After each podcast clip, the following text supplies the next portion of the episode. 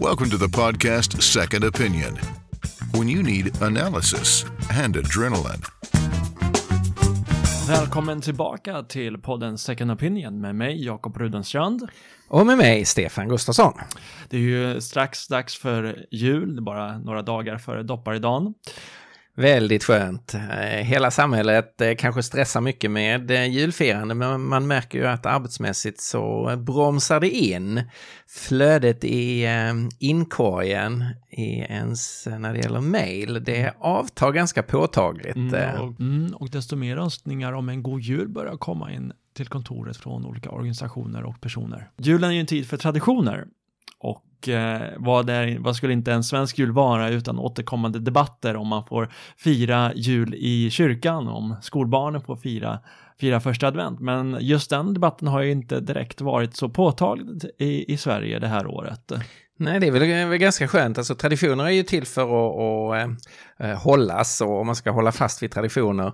Men äh, en del usla traditioner kan man ju gärna sparka ut och den mm. här eh, ganska meningslösa diskussionen om man får ha skolavslutningar eh, i kyrkan, den verkar som om det har lagt sig, det har mm. stillnat och, och eh, skolor är fria att lösa det där på, eh, på bästa sätt. Okay. Nu är det ju ett par dagar kvar till skolavslutning så vi kanske inte ska ropa hej för mm. man är över bäcken, men så här långt så känns det ganska bra. Så känns det i alla fall bra att man fortfarande kan sjunga eh, Stilla natt, Heliga natt eller eh, Gå Sion i konung att möta. Ja, det är ju um, underbara sånger. För den som är kristen så finns det ju förstås ett väldigt starkt innehåll, men man kan ju inte bortse heller från att det är en del av vårt, vårt kulturarv och mm. Eh, det är ju väldigt många som inte delar den kristna tron som ju eh, verkligen uppskattar eh, musiken och mm. uppskattar det just som ett, ett kulturarv och som en del av traditioner som, som är med och bygger upp ett land. Det verkar ju som att en, en helt annan tradition har tagits vid om huruvida Lucia ska kunna vara en kille i eh, skolans Lucia-tåg. Ja, det är väl en annan, eh, tycker jag, ganska, eh, ganska töntig diskussion som, som dyker upp. Eh, Lucia var eh, en kvinna, inte en man och eh, det är väl inget märkligt i att man, eh, att man firar en, eh, en unik person och därmed mm. tar den personen, mm. personen på allvar. I det här fallet råkar det vara en, en kvinna, i andra fall så är det, är det en man. Våra egna problem med könsroller och förhållanden mellan manligt och kvinnligt kan vi väl bearbeta på andra sätt mm. än att Eh, ska man säga, dra in eh, både historiska personer eh, och dra in de här traditionerna. Mm, det är ju väldigt tråkigt att ett sånt här firande av en kristen helgon ska reduceras till en nutida identitetspolitisk diskussion. Jag tror att för många hade det inte uppfattats lika oproblematiskt att högtidlighålla Martin Luther King-dagen och då låtit en, en vit kvinna Eh, spela Martin Luther King i dramatiserad form. Det hade nog inte varit så, så välkommet.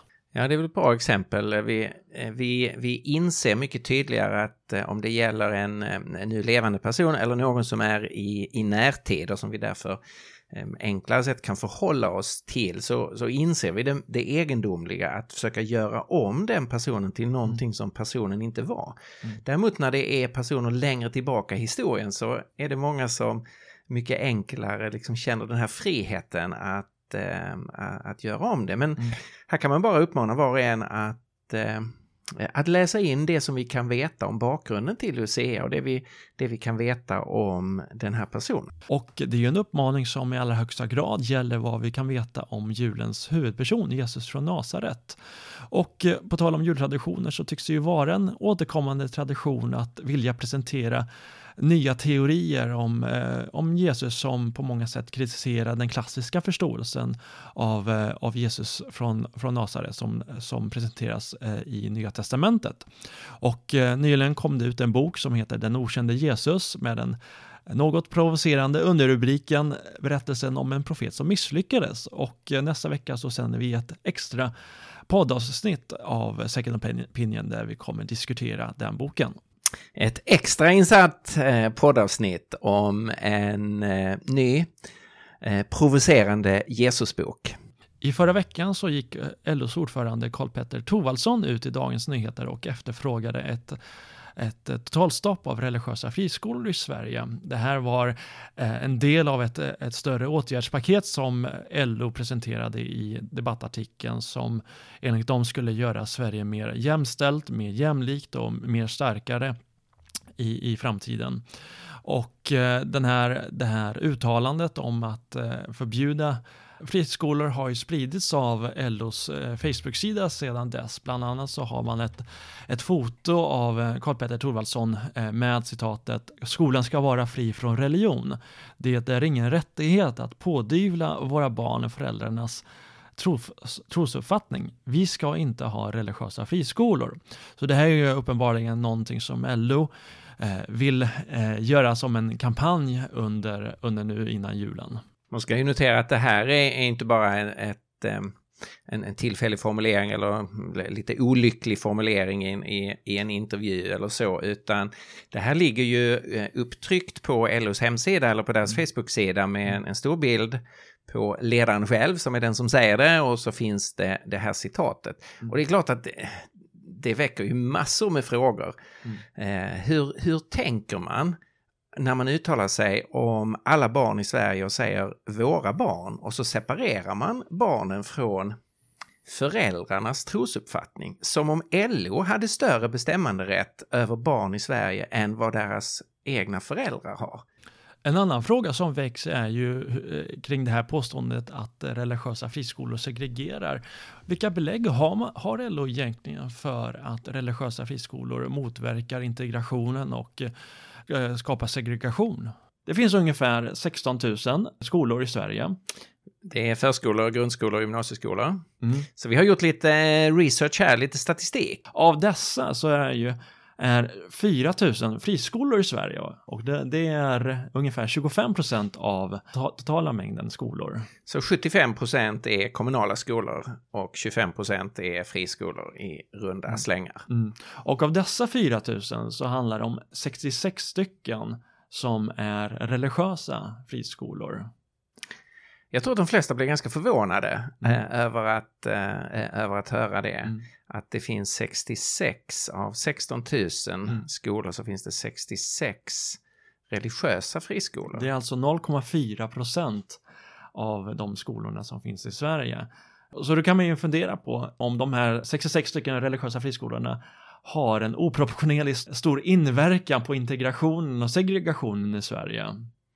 Ja, det verkar omöjligt att, eh, att det här skulle vara det största problemet i, i eh, när det gäller utbildningsväsendet i Sverige. Mm. Mm. Samtidigt så måste man ju förstås kunna diskutera själva principfrågan, men man mm. behöver ju ha det här klart för sig att eh, på grund av vår historia där vi då eh, inte har tillåtit friskolor i någon större mängd eh, eller religiösa friskolor så är det efter att vi fick friskolereformen så är det fortfarande väldigt få skolor Eh, friskolor som har en, eh, en religiös utgångspunkt. Mm. Och de flesta friskolorna de har ju också väldigt bra resultat när det gäller studieresultaten hos eleverna. Men ytterst sett så tycks det ju vara som om LO har ett ett stort bekymmer med vem som har det yttersta ansvaret och, och rätten till, till barnen när man påstår att ingen eh, rättighet att eh, pådyvla våra barn föräldrarnas trosuppfattning. Jag tänker lite grann på den här filmen Tomten är far till alla barnen.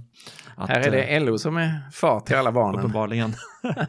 Gör de de anspråken i alla fall. Här så tycks ju LO ha ett stort bekymmer och, eh, när föräldrarna väljer i enlighet med sina rättigheter att eh, överföra sin livsåskådning, sin religion till, till sina barn.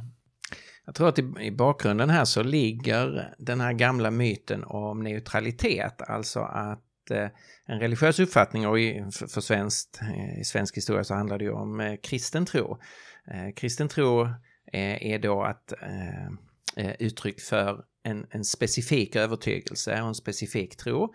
Och sen då alternativet är att vara sekulär och det är på något sätt neutralt, det är avskalat mm. från sådana här övertygelser. Och detta är ju en mm. total myt. Det sekulära är ju bara en alternativ övertygelse till eh, det kristna, där man i, i lika hög grad har en världsbild, en livsåskådning, har mm. grundläggande förutsättningar man utgår från, har en syn på, eh, på människan eh, och, och vår plats här på, på jorden.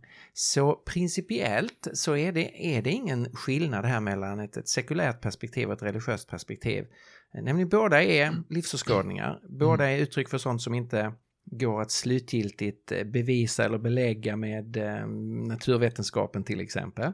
Utan det är grundläggande övertygelser som man inte kan komma undan. Man måste inta någon position. Mm. Eh, ingen är neutral, ingen är utan en position man, man utgår ifrån. Mm.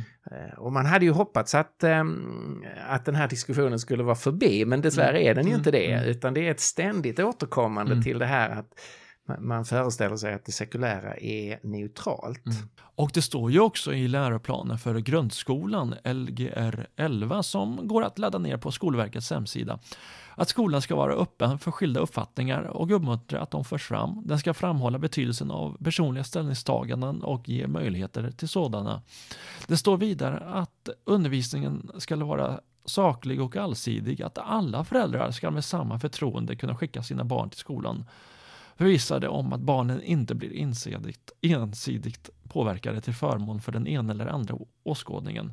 Man lägger även till att alla som verkar i skolan ska hävda de grundläggande värden som anges i skollagen och i denna läroplan och klart ta avstånd från dem, från det som strider mot dem. Alltså att man, man, man underkänner helt och hållet det, det utspel som LO, har, LO gör med påståendet att, att föräldrarna inte ska kunna föra över sina religiösa livsåskådningar till sina barn.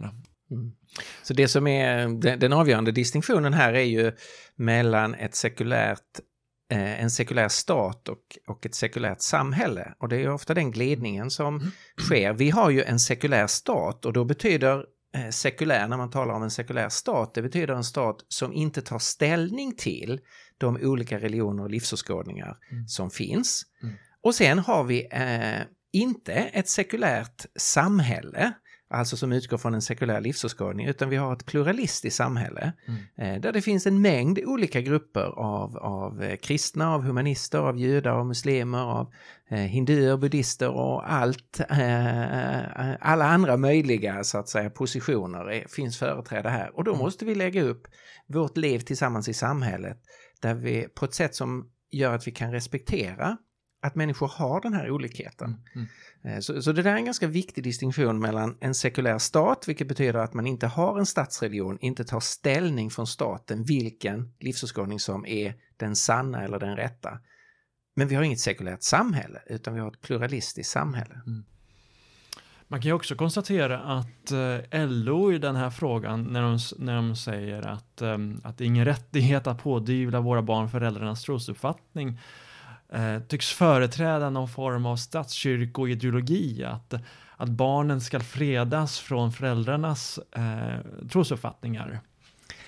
Ja, det kan väl finnas just en sån eh, statskyrkomentalitet så att säga i, i en del av eh, arbetarrörelsen och, och fackföreningsrörelsen. Det, eh, man blir påmind om eh, Marita Ulfskogs uttalande efter regeringsskiftet 1976 att, att eh, det kändes som en statskupp Eh, hade skett i landet. Eh, och det är ett uttryck för att man, man tycker att det är, är självklart att eh, socialdemokratin dominerar. Men bakomliggande här så finns ju de, de stora frågorna, vem, vem tillhör egentligen landet Sverige? Och, och nationalister vill ju förstås mm. väcka den frågan. Det har ju varit en väldigt stor diskussion under, under många år nu där nationalister gör, gör anspråk på att Sverige är deras eller Sverige ska vara svenskt och Eh, det ska vara någon form av etnisk eller kulturell hegemoni. Mm. Och det, det blev ju den attityden när, eh, om LO talar om alla barn i Sverige som våra barn, eh, som man, man ska skydda från deras egna föräldrar. Mm. Och det här måste vi reflektera mycket mer över framöver när det gäller frågan om, frågan om eh, landet. Och det är självklart att landet tillhör de som, eh, de som bor där. Och det kommer att tillhöra de som kommer till landet och, och mm. Eh, bosätter sig. Så det är ju vårt land, vi som, eh, vi som lever här tillsammans. Men då måste man också konstatera att vi som har mycket gemensamt, för vi är människor och vi får mycket gemensamt genom att vi lever i samma land. Vi är, är också olika. Och då måste vi jobba med den här frågan. Eh, vad ska vi ha som gemensam utgångspunkt? Vi kommer behöva värderingar och perspektiv och vi behöver bygga på en kultur som, som hänger ihop. Eh, och samtidigt måste det finnas en respekt eh, för, eh, för olikhet och för personliga övertygelser och inte minst då för livsåskådningsmässiga och religiösa övertygelser. Om man mm. tror på Gud eller inte, om man är kristen eller bekänner sig till en, till en annan religion. Mm. Och här har vi mycket kvar att göra i samtalet i Sverige, mm. att försöka mejsla ut Eh, de här frågorna. Mm. Vi lär återkomma till detta eh, i podden Second Opinion. Vi vill samtidigt önska alla våra lyssnare en riktigt god jul innan, innan vi tar uppehåll här på podden. Och eh, alldeles strax så ska vi lyssna på ett samtal om eh, om en väldigt, eh, väldigt stor fråga under hösten som rör kopplingarna mellan människohandel och pornografi där vi har bjudit in en representant för eh, organisationen Talita. Men det samtalet kommer alldeles strax.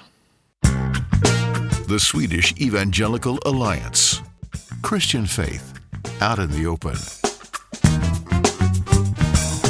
Välkommen tillbaka till podden Second Opinion. Nu ska vi samtala med Megan Donovan som kommer ursprungligen från Kanada men har bott i Sverige ett antal år. Hon arbetar tillsammans med den kristna organisationen Talita som i över tio år har arbetat för att stötta kvinnor som har utnyttjats i prostitution och sexhandel. Välkommen till Second Opinion Megan. Tack så mycket. Tack. Vad är Talita och vad gör ni för något? Mm. Eh, är en ideell organisation som erbjuder både akut men också långsiktigt stöd till kvinnor som har varit i prostitution, pornografi och eh, människohandel för sexuella ändamål. Så vi, vi har mottagningar och skyddade boende i eh, Stockholm, Mongoliet eh, och även ett akutboende nu i Göteborg som är på gång.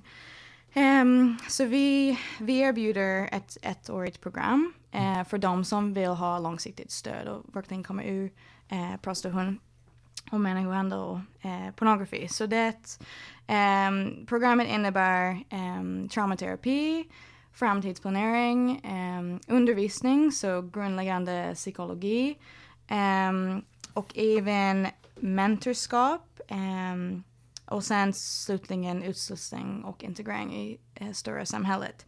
Um, så vi har sett att alla de här liksom, pilarna i vårt arbete är väldigt viktiga. Um, för tidigare um, erbjöd mina kollegor, så vi startades i 2004 och då uh, erbjöd mina kollegor Anna och Josefin um, enbart traumaterapi. Men um, det var liksom, uh, de började förstå att om en kvinna liksom tar emot uh, hjälp på det sättet men sen hamnar hon tillbaks i den, den situationen, alltså ostabila situationen som hon har varit i, då går det inte alls att bearbeta sin trauma. Um, så därför har vi byggt upp uh, den här verksamheten som innebär alla de här punkterna. Och ni har också samarbete med ett antal uh, länsstyrelser bland annat? Mm, absolut, så vi uh, Exakt, vi jobbar mycket med olika myndigheter. Um, till exempel vi, vi har en väldigt nära relation till um, Stockholm Polises prostitutionsgruppen. Um, så de träffar många kvinnor, kanske träffar en kvinna som um, och som vill ta emot hjälp, då slussar de henne till oss. Mm. Um, och sen kan vi uh, erbjuda henne hon hjälp att mm. lämna prostitution. Hur ser den här verkligheten som ni möter, hur ser den ut? Ja, um, så vi möter, jag vill säga, vi, vi möter både svenska och utländska tjejer. Jag, jag tror att många tycker det här problemet bara händer liksom utomlands och uh, kanske det är enbart liksom utländska tjejer som lider av det här, men det är definitivt också svenska tjejer. Uh, många som kommer från väldigt um, uh, tråkiga bakgrunder.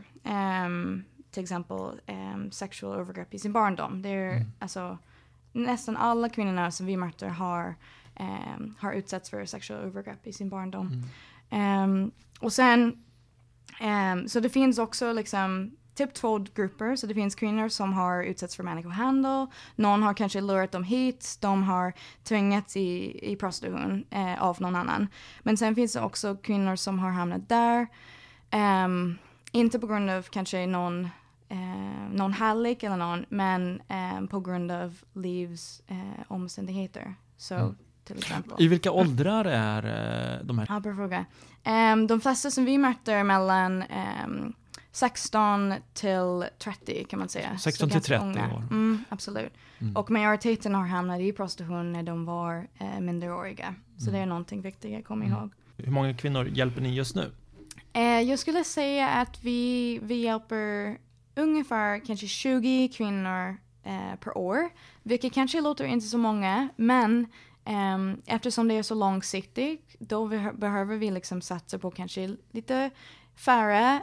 Så just nu har vi, så vi har platser för fyra tjejer samtidigt på vårt boende i Stockholm. Och, eh, men sen när vi, vi får liksom slussningar från polisen hela, hela tiden. ehm, och just nu finns det faktiskt nästan alltså en kör för att flytta in i boendet. Så vi, vi, liksom, vi funderar på att kanske att försöka liksom bygga upp vår verksamhet i Stockholm. Och nu har vi även vårt eh, akutboende i Göteborg.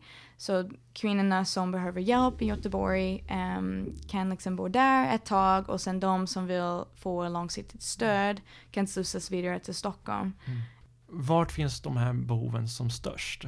Det finns eh, flera poliser i Stockholm, Göteborg och även Malmö som liksom jobbar med den här frågan. Um, och därför har vi liksom boen, boende i Stockholm, Göteborg och sen Numi har ett boende i Malmö. Men um, det är viktigt att komma ihåg att prostitution sker över hela Sverige. Men det är bara liksom, det finns en brist på resurser när det, för eh, poliser. Polisen skulle lätt kunna ha minst 200 pers poliser som jobbade med sexköp och eh, att hitta de här kvinnorna. Bara i Stockholm. Så man kan tänka liksom över hela landet skulle det kräva alltså jätte, jätte, jättemånga. Mm. Så polisen, på grund av liksom polisens ehm, begränsade resurser, då måste de, de verkligen prioritera alltså vissa fall över Mm. andra. Så det Mm. finns så många kvinnor som inte nås överhuvudtaget. Mm. Så vi, vi vill liksom uh, utöka uppsökande arbete eller någonting. Mm, För mm. det, det finns alltså så... Vi har varit i en diskussion med ett hotell nyligen som hade, de, de säger att de har liksom så stort problem. Eh, de har mellan 10 till 20 kvinnor som de vet liksom är i prostitution på deras hotell. Så de liksom kontaktade oss och bara, hur kan vi samarbeta? Vi, vi vill liksom hantera det här eller vi Mm. vill liksom kunna stötta, hjälpa de här kvinnorna. För vi ser det här problem, Mm. problematiken dagligt. Ehm, och det är Mm. bara ett hotell i Stockholm. Mm. Mm. eh, så det här problemet är väldigt, väldigt eh, utbrett. För någon månad sedan så var eh, Talita som, som organisation en av undertecknarna till en debattartikel i Dagens Nyheter eh, där man eh, efterfrågade en haverikommission om att utreda porrens skadliga effekter. Och vad, vad är det för koppling till människohandel? Mm. Eh, ja, bra fråga. Så vi, eh, vi har faktiskt ganska nyligen ändrat liksom, på vår webbsida eller på vår liksom, Talita.se. Ja, eh, exakt. eh, Alltså vem, så vi erbjuder, så tidigare var det att vi erbjuder um, hjälp till kvinnor i prostitution, som har varit i prostitution eller utsatts för människohandel. Men eftersom vi har sett den här kopplingen till även pornografi så har vi sett behovet att liksom även inkludera den gruppen. Ehm, så det finns, jag tycker det finns två sidor man måste prata om och den ena är porrkonsumtion och den andra är porrproduktion. Så när det gäller porrkonsumtion um, ehm, så är det viktigt att, att titta på forskning och vad säger forskning kring kopplingen här mellan eh, porrkonsumtion och sen um, sexhandel. Finns det koppling där? Och um, det finns till exempel en studie eh, där de jämförde sexköpare med icke-sexköpare som, som för jämförbara. Alltså när det gäller liksom etnicitet, ehm, utbildning och så vidare. Eh, och studien fann att sexköparna eh, konsumerade mycket, mycket mer pornografi än de som inte köpte sex och att de fick sin, sin eh, sexuella utbildning i en större utsträckning från pornografi. Eh, och sen under tiden, de som kollade på pornografi sökte mer och mer grov sex i, eh, hos liksom, kvinnor i prostitution. Ehm, och sen, det här är väldigt intressant. Ehm, de fann att por- pornografikonsumtion statistiskt signifikant förutspådde mer frekvent köp av sex. mhm. Och det finns andra studier som också har hittat samma eh, eller liknande resultat. Ehm, Jag tycker det är viktigt att säga att det är inte alla, alltså det kommer inte påverka alla män på samma sätt. Och till exempel även i Sverige, det är bara, det är liksom, inte bara, men det är eh, 10% ungefär av eh, svenska män som köper sex. Um, så pornografi kommer inte påverka alla på samma sätt. Nej, men forskning som finns, alltså tyder på att liksom män eh, som konsumerar pornografi blir mer benägna att köpa sex. Uh, och till exempel det finns även studier, ehm, olika studier runt, runt om i världen ehm, som har um, fan, funnit att liksom 50-70% av sexköpare um, säger själva att de imiterar porr när de köper sex. Um, och att de köper sex för att det finns ingen annan kvinna som vill ställa ut för de här sexuella handlingar, handlingarna som de har sett i pornografi. Det finns typ forskningssida men sen finns det även lite anecdotal evidence. Så till exempel um, Simon Häggström, eh, chefen på prostitutionsgruppen som jag nämnde. ehm, Polisens arbete. Exakt, exakt. Han, han och hans grupp har sett en väldigt intressant eh, trend eller ett mönster. Ehm, och det är att unga, unga män köper sex. Mm. Eh, så till, till exempel de har träffat 16-åriga killar, fast den yngsta var 15. ehm, Okej. Som har köpt sex. Och Mm. det som är alltså, ännu mer liksom, intressant är att de här killarna påstår att köpa sex är någonting, är bara en cool grej. Mhm. Och det har polisen... En hobby för dem Ja, alltså. Exakt. Bara de haha, man kan skratta på det typ. Ja. Eh, och det har de definitivt inte sett för fem, tio år sedan. Okej. Och de, de funderar liksom, vad är det nu i samhället som har gjort att de här unga män köper sex? Mm. Ehm, och de påstår att kan, kan inte det vara liksom tillgängligheten till den här grova eh, pornografi som Så finns? polisen gör den här bedömningen att det finns en koppling mellan tillgänglighet för gro- av grov pornografi och, och sexhandel. Alltså en Att försiktig, sexhandel, ja, precis. sexhandeln sjunker i åldrarna. Mm. Alltså en försiktig bedömning. Så det, det tyckte jag var väldigt intressant. Och även eh, gruppen säger att liksom varje sexköpare de har, så de träffar alla eller pratar med alla som de, de hittar, alla sexköparna. Och Mm. alla har liksom konsum- konsumerat väldigt mycket pornografi. Mm. Och du nämnde även om eh, parproduktion som en annan aspekt i, i det här att eh, titta på. Ja, precis. Ehm, för det är lite liksom en uh, känslig fråga när det gäller Mm. porrkonsumtion. Men sen om vi tar det tillsammans med vad vi har för liksom, vad forskning säger kring porrproduktion. Då tycker jag ja, det blir en ännu starkare case. Liksom. Ehm, och den forskningen som vi har när det gäller um, porrproduktion. Till exempel bevisar att um, Alltså kvinnorna kommer från liknande förhållanden som kvinnorna som vi jobbar med, liksom som har kommit eh, som har varit i prostitution. Så de kommer från bakgrunder av fattigdom, hemlöshet, eh, sexuella övergrepp i sin barndom och så vidare. Och sen finns det även en väldigt stor, stor studie som har gjorts ehm, i nio olika länder bland nästan 900 kvinnor i prostitution. Och den studien visar att, eh, att 50% av kvinnorna ehm, som de intervjuar har också deltagit i porrproduktion. Mhm. Så alltså det är liksom samma eh, typ sample, samma gruppen ehm, där kvinnor liksom är i prostitution och deltar i porrproduktion. Ehm, och de också på, s- uppgav att sexköparna um, hade frågat dem att, att göra liksom, um, det som de hade sett i pornografi. Och eh, i den här studien så var det 68% av alla uh, intervjuades som hade posttraumatic stress, eh, så kallad PTSD. Och det var just de här tjejerna som deltog i porrproduktion som hade ännu mer grovt PTSD. Så slutsatsen man kan dra från det här är att pornografi är kanske en eh, ännu farligare, grovare typen av prostitution, typ av prostitution. Vi, vi på Slita tror att ju mer man förstår trauma och traumas effekter på människor eh, och även liksom effekterna på ehm, hur de ser sitt eget värde då kan man börja förstå liksom varför många kvinnor som även påstår att de, de vill vara med i prostitution eller pornografi ehm, att det kan finnas liksom, alltså orsakerna bakom det som har påverkat deras ingång till de här industrierna. Um, och återigen, vi påstår inte det är alla som inte vill vara med och som inte liksom, eller som kommer från de här förhållanden. Mm. Men forskning och vår erfarenhet är att um, majoriteten definitivt kommer från uh, utsatta bakgrunder. Du, du har även varit ute och föreläst väldigt mycket på gymnasieskolor om kopplingen mellan människohandel, eh, pornografi och prostitution. Mm. Eh, vad är responsen från, eh, från skoleleverna? Mm. ehm, det var väldigt intressant för ehm, så jag började liksom prata om pro- prostitution och människohandel och sexköpslagen. Ehm, och då var det många liksom tjejer som var väldigt intresserade och vissa killar men, um, men så fort som jag började prata om porr då blev alla killarna väldigt, oj, plötsligt väldigt intresserade. För plötsligt var det ett område som berörde dem.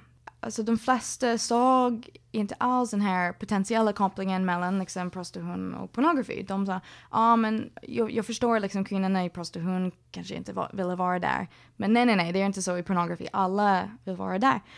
Och som jag också, eller jag också upplevde var att de här unga människorna hade inte alls, inte hade pratat om pornografi med någon förut. Eh, så det var, de var väldigt förvånande att jag tog upp ämnet i klassrummet. Um, och jag såg ett stort behov av, av att kunna prata om pornografi och eh, sina effekter på ungdomar.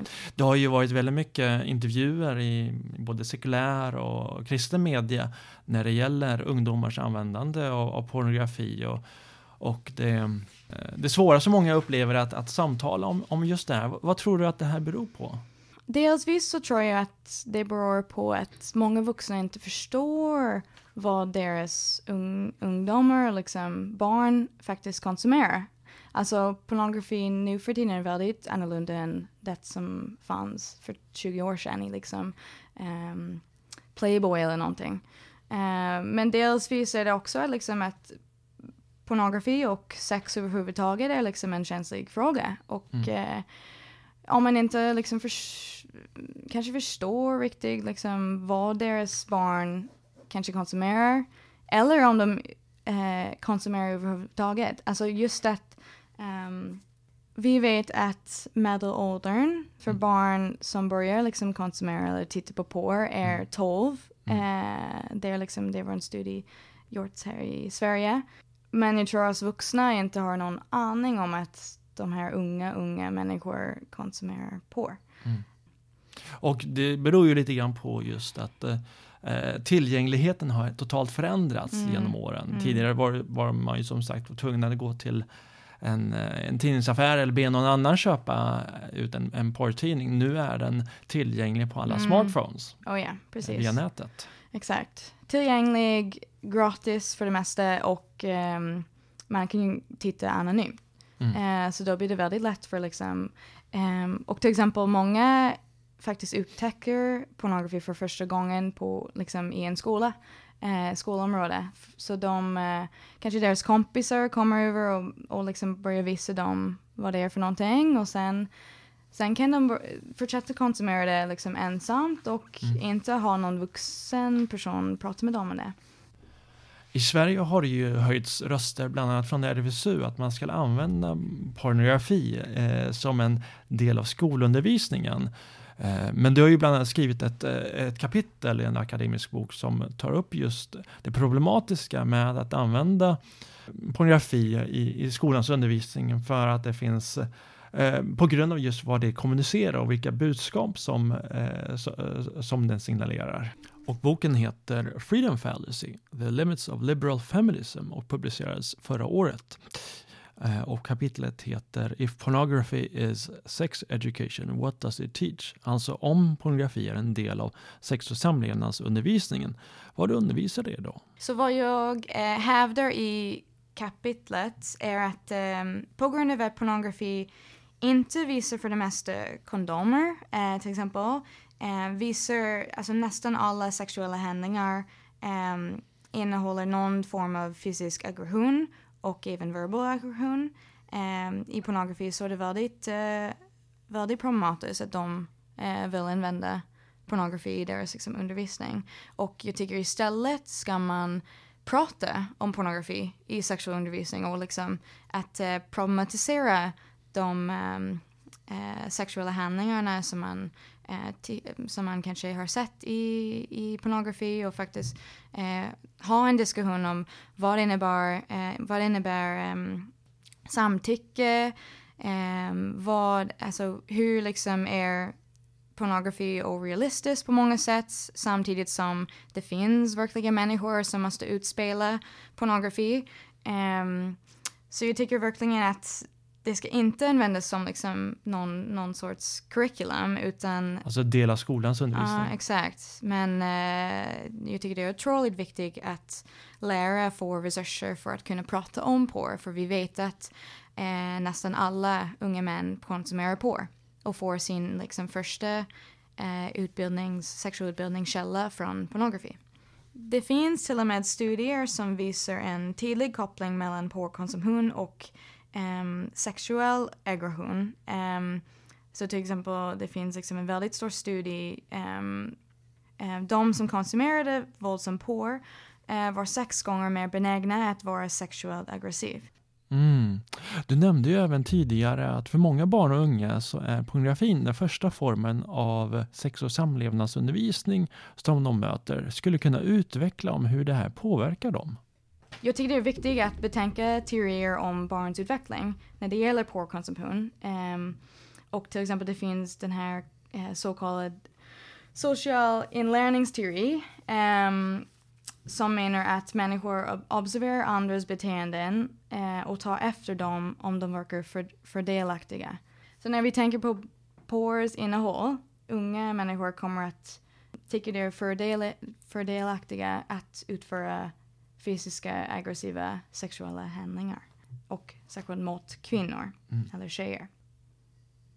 På något sätt är det fantasi Um, för att man har filmat de här och tagit många liksom, olika mm. clips och så. Mm. Samtidigt som vi måste komma ihåg att det är inte fantasi för de som är med i mm. porrproduktion. Mm. Och vi har även haft kvinnor eh, på Tolita som har deltagit en viss del i porrproduktion. Mm. Vad är deras eh, upplevelse när de kommer därifrån och under den här tiden? I, um, när de är ehm. med i, under rehabiliteringen? Alltså, um, vi har inte haft liksom kvinnor som har enbart kommit ifrån porrproduktion, mm. eh, utan både liksom porr och prostitution. Um, men de här kvinnorna har alltså väldigt, väldigt grovt eh, trauma som de måste bearbeta. Och mm det tar mycket, mycket tid och därför har vi åtminstone, eller minst ett år eh, att de ska liksom ingå i det här programmet och oftast behöver de ännu mer liksom terapi efteråt för att deras trauma är så, eh, är så stor.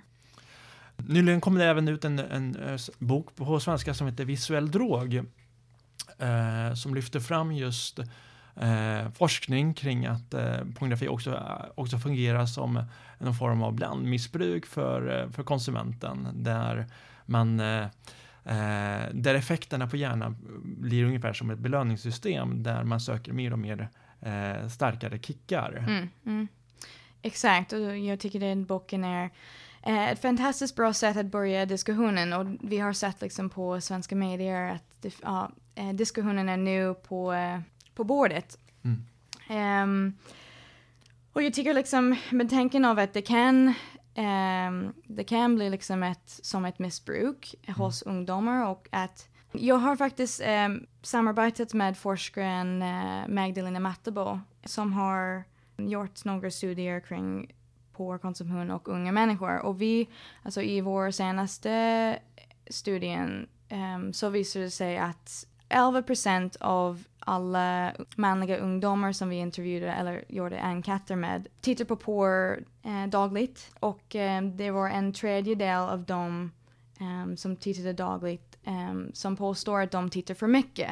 Och det tillsammans med alla andra faktorerna som vi har pratat om, um, sexhandel och även kvinnor i um, porrproduktion, mm det är helt galet att vi inte pratar mer om det. Mm. Uh, för vi har liksom bara låtit alla barn få den, deras um, största sexuell undervisningskälla från någonting som kan ha så skadliga effekter. Eh, och jag tycker det är väldigt, väldigt viktigt att börja prata om det och ge både skolor men även föräldrar resurser för att kunna prata om med, sina, med barnen om det här. Vilken roll kan kyrkor ha? Jag tycker först och främst att kyrkor borde börja prata om det också. Eh, jag vet att det finns vissa kyrkor som har börjat prata om det och eh, uppmuntrar like, de som tittar på porr liksom, att verkligen söka hjälp. Information så att man kan förstå varför det kan vara så skadligt för sig själv men också för andra. Eh, också de som liksom är på skärmen. Alltså både alla aspekterna kommer liksom förhoppningsvis påverka många att liksom ta ett beslut att nej men det här är inte bra för mig och inte för andra. Jag tycker verkligen att kyrkan kan ta en ledande roll när det gäller just pornografi. Många är väldigt rädda om att ah, men det är liksom en moralfråga men det är liksom det är en jämställdhets och en hälsofråga. Um, man kan inte längre liksom gå på den där argumenten utan man, kan, man måste liksom prata om det och ta, eh, ta hänsyn till det. Det här är ju också en, en fråga som av många säkert upplever som väldigt svår att gå in i för att man känner sig eh, man känner väldigt stor skam, man upplever det här är väldigt känsligt, att, väldigt känsligt ämne att gå in i. Mm, absolut. Um, jag tycker det är viktigt att komma ihåg att många eh, porrkonsumenter har börjat titta på porr när de var väldigt unga. Um, så till exempel jag har många bekanta som började titta på porr när de var 10-11 år. Uh, och istället för att liksom um, så man kan nästan tycka synd om dem för att de var liksom ensamma i det och hade ingen liksom vuxna, vuxen person som pratade om porr med dem och liksom um, så att kunna både att liksom kunna ha empati för dem är väldigt, väldigt viktigt och att kunna liksom eh, tillsammans lära sig om porrs effekter och att kunna stötta varandra i mm. att, eh, att, liksom, att minska eh, konsumera porr. Mm, mm. Jag tycker det är väldigt mm. viktigt att, mm. att inte skambelägga för mycket utan att vara uppmuntrande och förstående för liksom varför pornografi um, är så stort liksom, och att så många konsumerar porr. Om man vill ta kontakt med Talita och hjälpa er i ert arbete för, eh, för kvinnor som har fallit offer för trafficking och prostitution och, och mm. pornografi. Mm. Hur gör man då? Eh, vi är väldigt eh, beroende på eh, månadsgivare. Um, så vi, vi får eh, en, en viss del stöd från Stockholms stad, men de, vår verksamhet eh, mest byggs på liksom månadsgivare, företag eh, som gör eh, olika stiftelser. Um, så vi är väldigt uh, tacksamma för dem som um, tycker att de vill ge lite mm. pengar till vår verksamhet, tycker det är viktigt. Um, men sen även, alltså vi har um, det är väldigt häftigt att man kan uh, använda sin, liksom, sin olika talanger uh, för att uh, hjälpa oss. Så till exempel vi har liksom just nu um, finns en kvinna som skapar liksom bracelets. Vad heter det? Mm. Armband. Armband. Um, och alla pengarna går till vår verksamhet. Så det är väldigt häftigt att man kan, liksom, man kan vara väldigt kreativ. Um, vi uppskattar alla som liksom uppmuntrar oss på social media och uh, delar våra liksom, inlägg uh, för att det är väldigt viktigt att flera får höra liksom, vad vi jobbar med och, och uh, börja hälsa från kvinnorna. Okej, tack så jättemycket Megan för att du medverkade i, i podden. Tack själv. Welcome to the podcast Second Opinion. Going deeper to get a better perspective.